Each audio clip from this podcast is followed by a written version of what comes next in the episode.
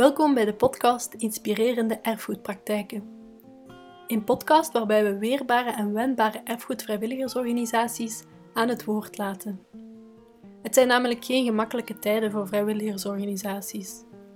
Veel evenementen kunnen niet doorgaan en we mogen elkaar echt maar in beperkte kring ontmoeten. Met deze podcast hopen we anderen te inspireren om toch met creatieve oplossingen te komen.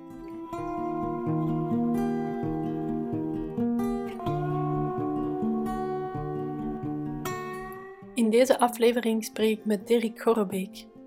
Hij is bestuurslid van de Heemkundige Kring Wissekerken.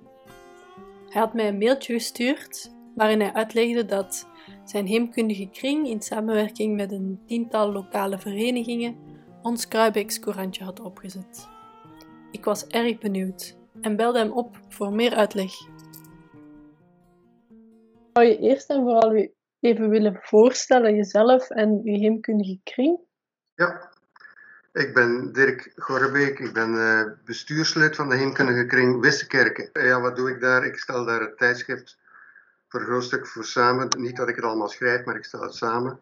Um, en uh, ja, nog een hoop andere dingen, zoals iedereen in heemkringen doet altijd van alles, dus ik ook. Dus uh, Dirk, lukt het om ondanks de coronapandemie nog in, met uw heemkundige kring bezig te zijn? Ja, maar natuurlijk alles op afstand, of meestal op afstand.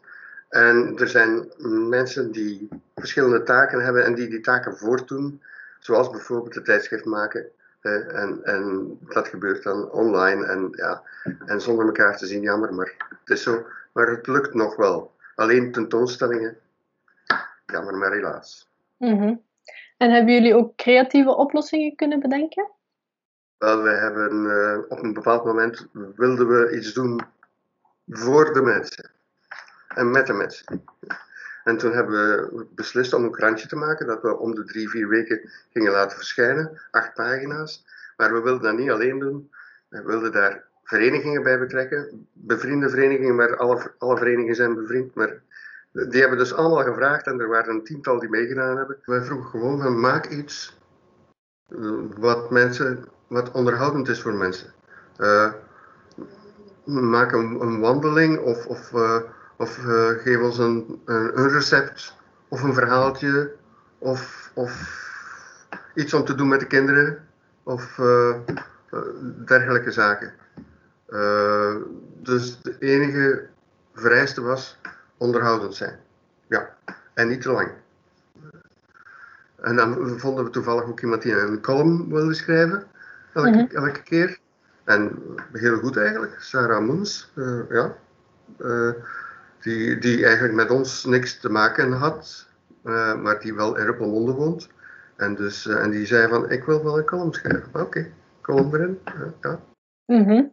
En wat waren de reacties? de reacties waren zeer enthousiast. Ik herinner me dat ik bij de, de bakker hier de tweede keer aan zijn stoep stond aan te schuiven dat iedereen moest aanschuiven voor zijn brood. En ik stond daar met krantjes om die bij, hem op de toog te leggen. En er waren mensen die mij kwamen vragen van, ah, tweede, dat volgende krantje, mag ik er eentje hebben? ja, dus 2000 krantjes op 20.000 man, dus uh, goed. Mm En hoe zorg je ervoor dat het inhoudelijk uh, en de afspraken, dat dat allemaal goed loopt? Uh, dat is soms in het begin was het een beetje moeilijk. In het begin moesten we duidelijk stellen van nee, dit kan niet.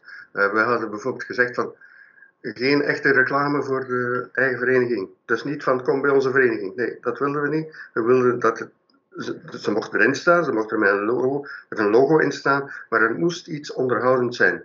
Dus ik heb een paar keer moeten zeggen van nee, doen we niet. Uh, maak iets anders. Doe, probeer dat of dat of dat.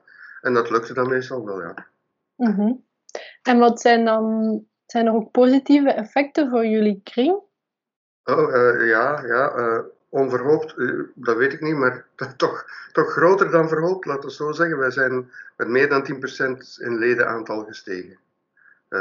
ja, en plus, sindsdien, en dat gebeurt misschien wel meer in andere gemeentes, dat weet ik niet, maar een, een lokaal reclameblaadje heeft ons gevraagd om elke maand één pagina à la façon de uh, het, het, het, krantje te maken om erin te plaatsen. En, en je zegt um, dat jullie heel wat leden extra hebben. Zijn er ook um, vrijwilligers daardoor gekomen? Vrijwilligers, dat is een, dat is een moeilijke. Hè? In, de, in heemkringen is dat een moeilijke. Er zijn er niet zoveel. Op die 620 zijn er misschien 15, 20 vrijwilligers die, die echt meewerken. En nu het laatste jaar zijn er inderdaad toch wel een, een viertal bijgekomen. En wat wij noemen jonge mensen. Hè? Uh, jonger dan 50. Mm-hmm. zelfs van in de 20 twee. Uh, of dat nu echt met, met dat courantje te maken heeft, dat weet ik niet goed. Mm-hmm. De, kost, de kosten daarvoor, want het, het heeft ons toch wel uh, 2000 euro gekost. Uh, die hebben we uit onze kas gehaald eigenlijk. Gewoon, oké. Okay. Er is één andere vereniging die ook wat gesponsord heeft. Uh, maar voor de rest hebben we het zelf gedragen. Maar eigenaardig genoeg hebben we er waarschijnlijk meer profijt van gehaald dan dat het gekost heeft. Daardoor zijn we bijvoorbeeld ook uh, veranderd van drukker voor onze tijdschrift. Mm -hmm. Omdat we op zoek gingen naar van oké, okay, hoe krijgen we dat nu goedkoop en goed, goed gedrukt. En dan uh, waren we al veranderd van zetter. Dat was ineens ook veel goedkoper en veel beter gedaan. En dachten we, tja, we moeten eigenlijk de oude, de oude gewoontes die al twintig jaar meedrijven, moeten we eens gaan herbekijken. En dat heeft ook gemaakt dat we, als ik net zei, profijt, ja, onze kosten voor het drukken van ons tijdschrift zijn gehalveerd bijna. Nee. Terwijl dat we verdubbeld zijn van inhoud. Mm En um, hoe, zien jullie dit na de coronapandemie um, nog doorlopen, die samenwerkingen? Of? Die samenwerkingen zie ik altijd wel doorlopen zolang er mensen zijn die elkaar kennen uh, en die elkaar vertrouwen. Dus het is een beetje vertrouwen ook, van dat je niet voor de kar van iemand anders gespannen wordt, zonder dat je eigenlijk daarin uh, erkend wordt. En heb je nog andere, heb je nog tips voor andere erfgoedvrijwilligers of, erf, of heemkundige kringen of die ook iets gelijkaardigs misschien willen doen? Sluit je niet op. Ga naar buiten, hou contact, uh, probeer met mensen te praten. Uh, al is het op de, op de markt. Hè.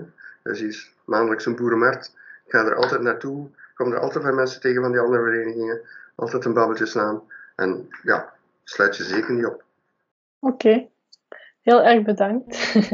Graag gedaan. Ik moet zeggen, Dirk's enthousiasme werkt aanstekelijk. Ik krijg haast zin om zelf een krantje op te zetten. Hij heeft mij ook doen inzien dat je op heel veel alternatieve manieren mensen kunt bereiken, bijvoorbeeld via een coronakrantje. Het investeren in een experiment kan toekomstige leden en vrijwilligers aantrekken het is ook belangrijk dat je je echt niet opsluit, ondanks corona. Zoek contact met lokale verenigingen bijvoorbeeld. En zorg dat je duidelijke afspraken maakt.